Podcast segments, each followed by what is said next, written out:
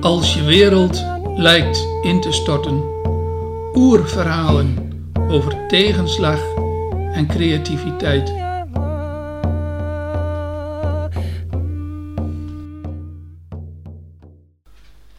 De oerosjacht en de volwassen krijgers.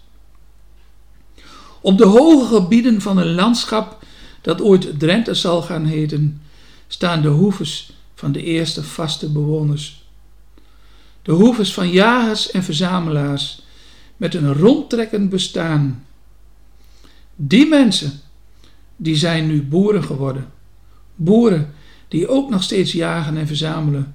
Vruchten, wortels, kruiden, vezelrijke planten om touw en kleding van te maken.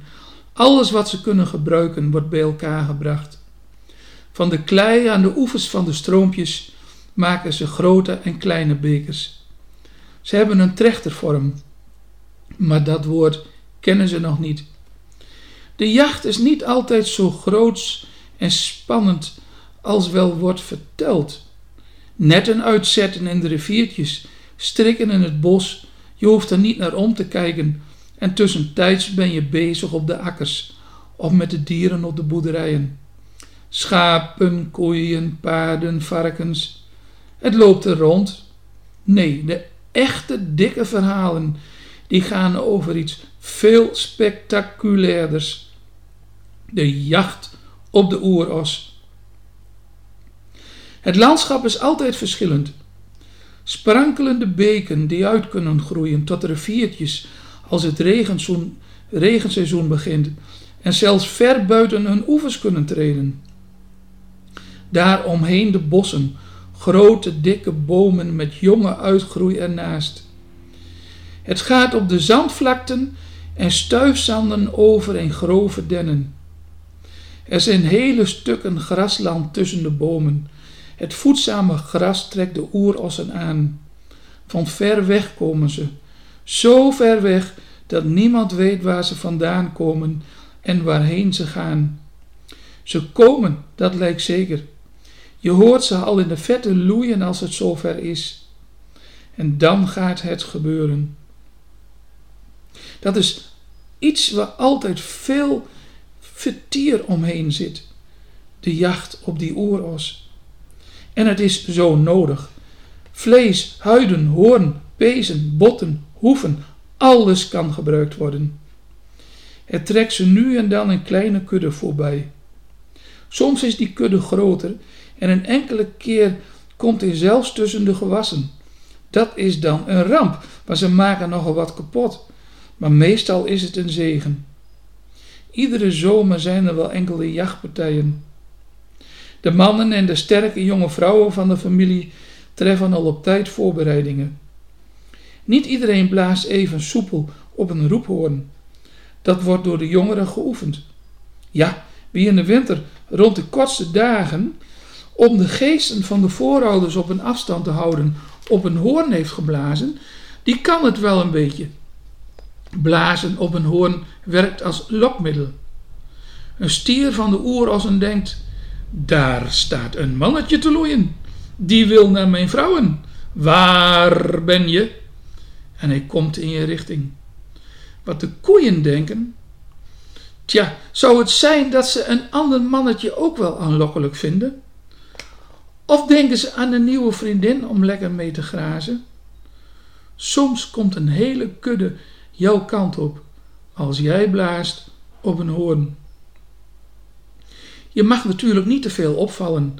Je kunt niet altijd blazen op veilige afstand in het bos.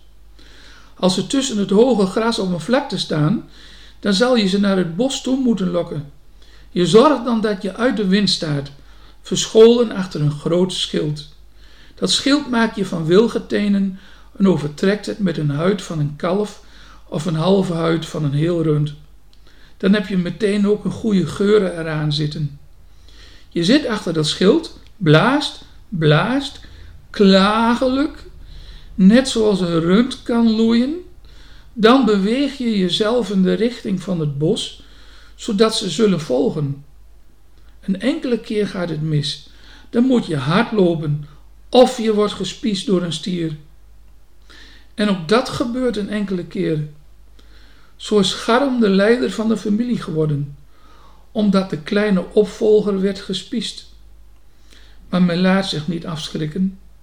Jonge mannen en jonge vrouwen die hun moed willen bewijzen, staan elkaar te verdringen om de runderen uit te dagen. Willen ze niet direct met je meekomen, dan is het nodig om ze te treiteren. De familie maakt traditionele werpsperen, geleerd van de vele generaties voor hen.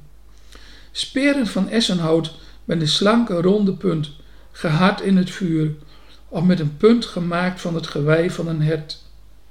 Als het nodig is, als ze dus niet volgen op de klank van een hoorn, dan probeer je achter het schild op werpafstand te komen en gooi je met je werpspies naar de stier of een koe. Alles wat maar in de buurt komt. Dat zou je natuurlijk ook kunnen doen met werpsperen met mooie vuurstenen punten. Maar die punten zijn zo kostbaar dat als je ze ruilt voor wat anders, dat je gewoon ontzettend veel waardevolle dingen daarvoor neer moet leggen. Of ze zijn zo lastig te maken en je wilt het dus niet dat een oeros er met jouw speerpunt en zijn huis vandoor gaat. Die huid, die wil jij hebben, maar die huid moet niet die speerpunt meenemen. Dan ben je wat kwijt, wat je niet zomaar vervangt. Dan kan je er beter van doorgaan met een ouderwetse werpspies in de huid. Doden kun je hem toch niet op zo'n afstand. Dat doen we anders. De bedoeling is namelijk dat een stier of een koe of enkele koeien met je meegaan naar het bos. Goedschiks, vriendelijk gelokt met de klank van de hoorn, of kwaadschiks, boos omdat je hen gooit met de spies. Je lokt ze dan mee met een stok bos waar het wat dichter is en zorgt ervoor dat ze in een soort trechter komen van gevlochten boompjes, takken en wilgentenen. Zo lok je ze. Als het beest doorkrijgt dat het geen kant meer op kan, dan is het te laat. Dan komen de andere jagers achter hun schilden en achter de struiken vandaan. Van korte afstand worden de speren in het dier gegooid, of je steekt met een lans naar het hart van het beest. Pas wel op, alle gaten in de huid moet je weer repareren. Steek alleen als je zeker bent en zeker bent van een dodelijke, geplaatste, prachtige, trefzekere, hartstoppende stoot. Ach, als er toch een gat te veel in de huid komt, we naaien het wel weer dicht. Het hele jachtgebeuren brengt gezonde spanning met zich mee. Vooraf zitten de mannen te zingen en grote verhalen te vertellen bij het vuur. Tijdens de jacht moet iedereen stil zijn, want de beesten mogen niet weten wat er allemaal gebeurt. Zien ze te veel mensen, dan is de hele groep weg. Op hol. Je staat naar degene die blaast of werpt en lokt. En dan, en eens barst alles uit in geschreeuw, gesteek en gegooi. Wat een helske baal en wat een plezier.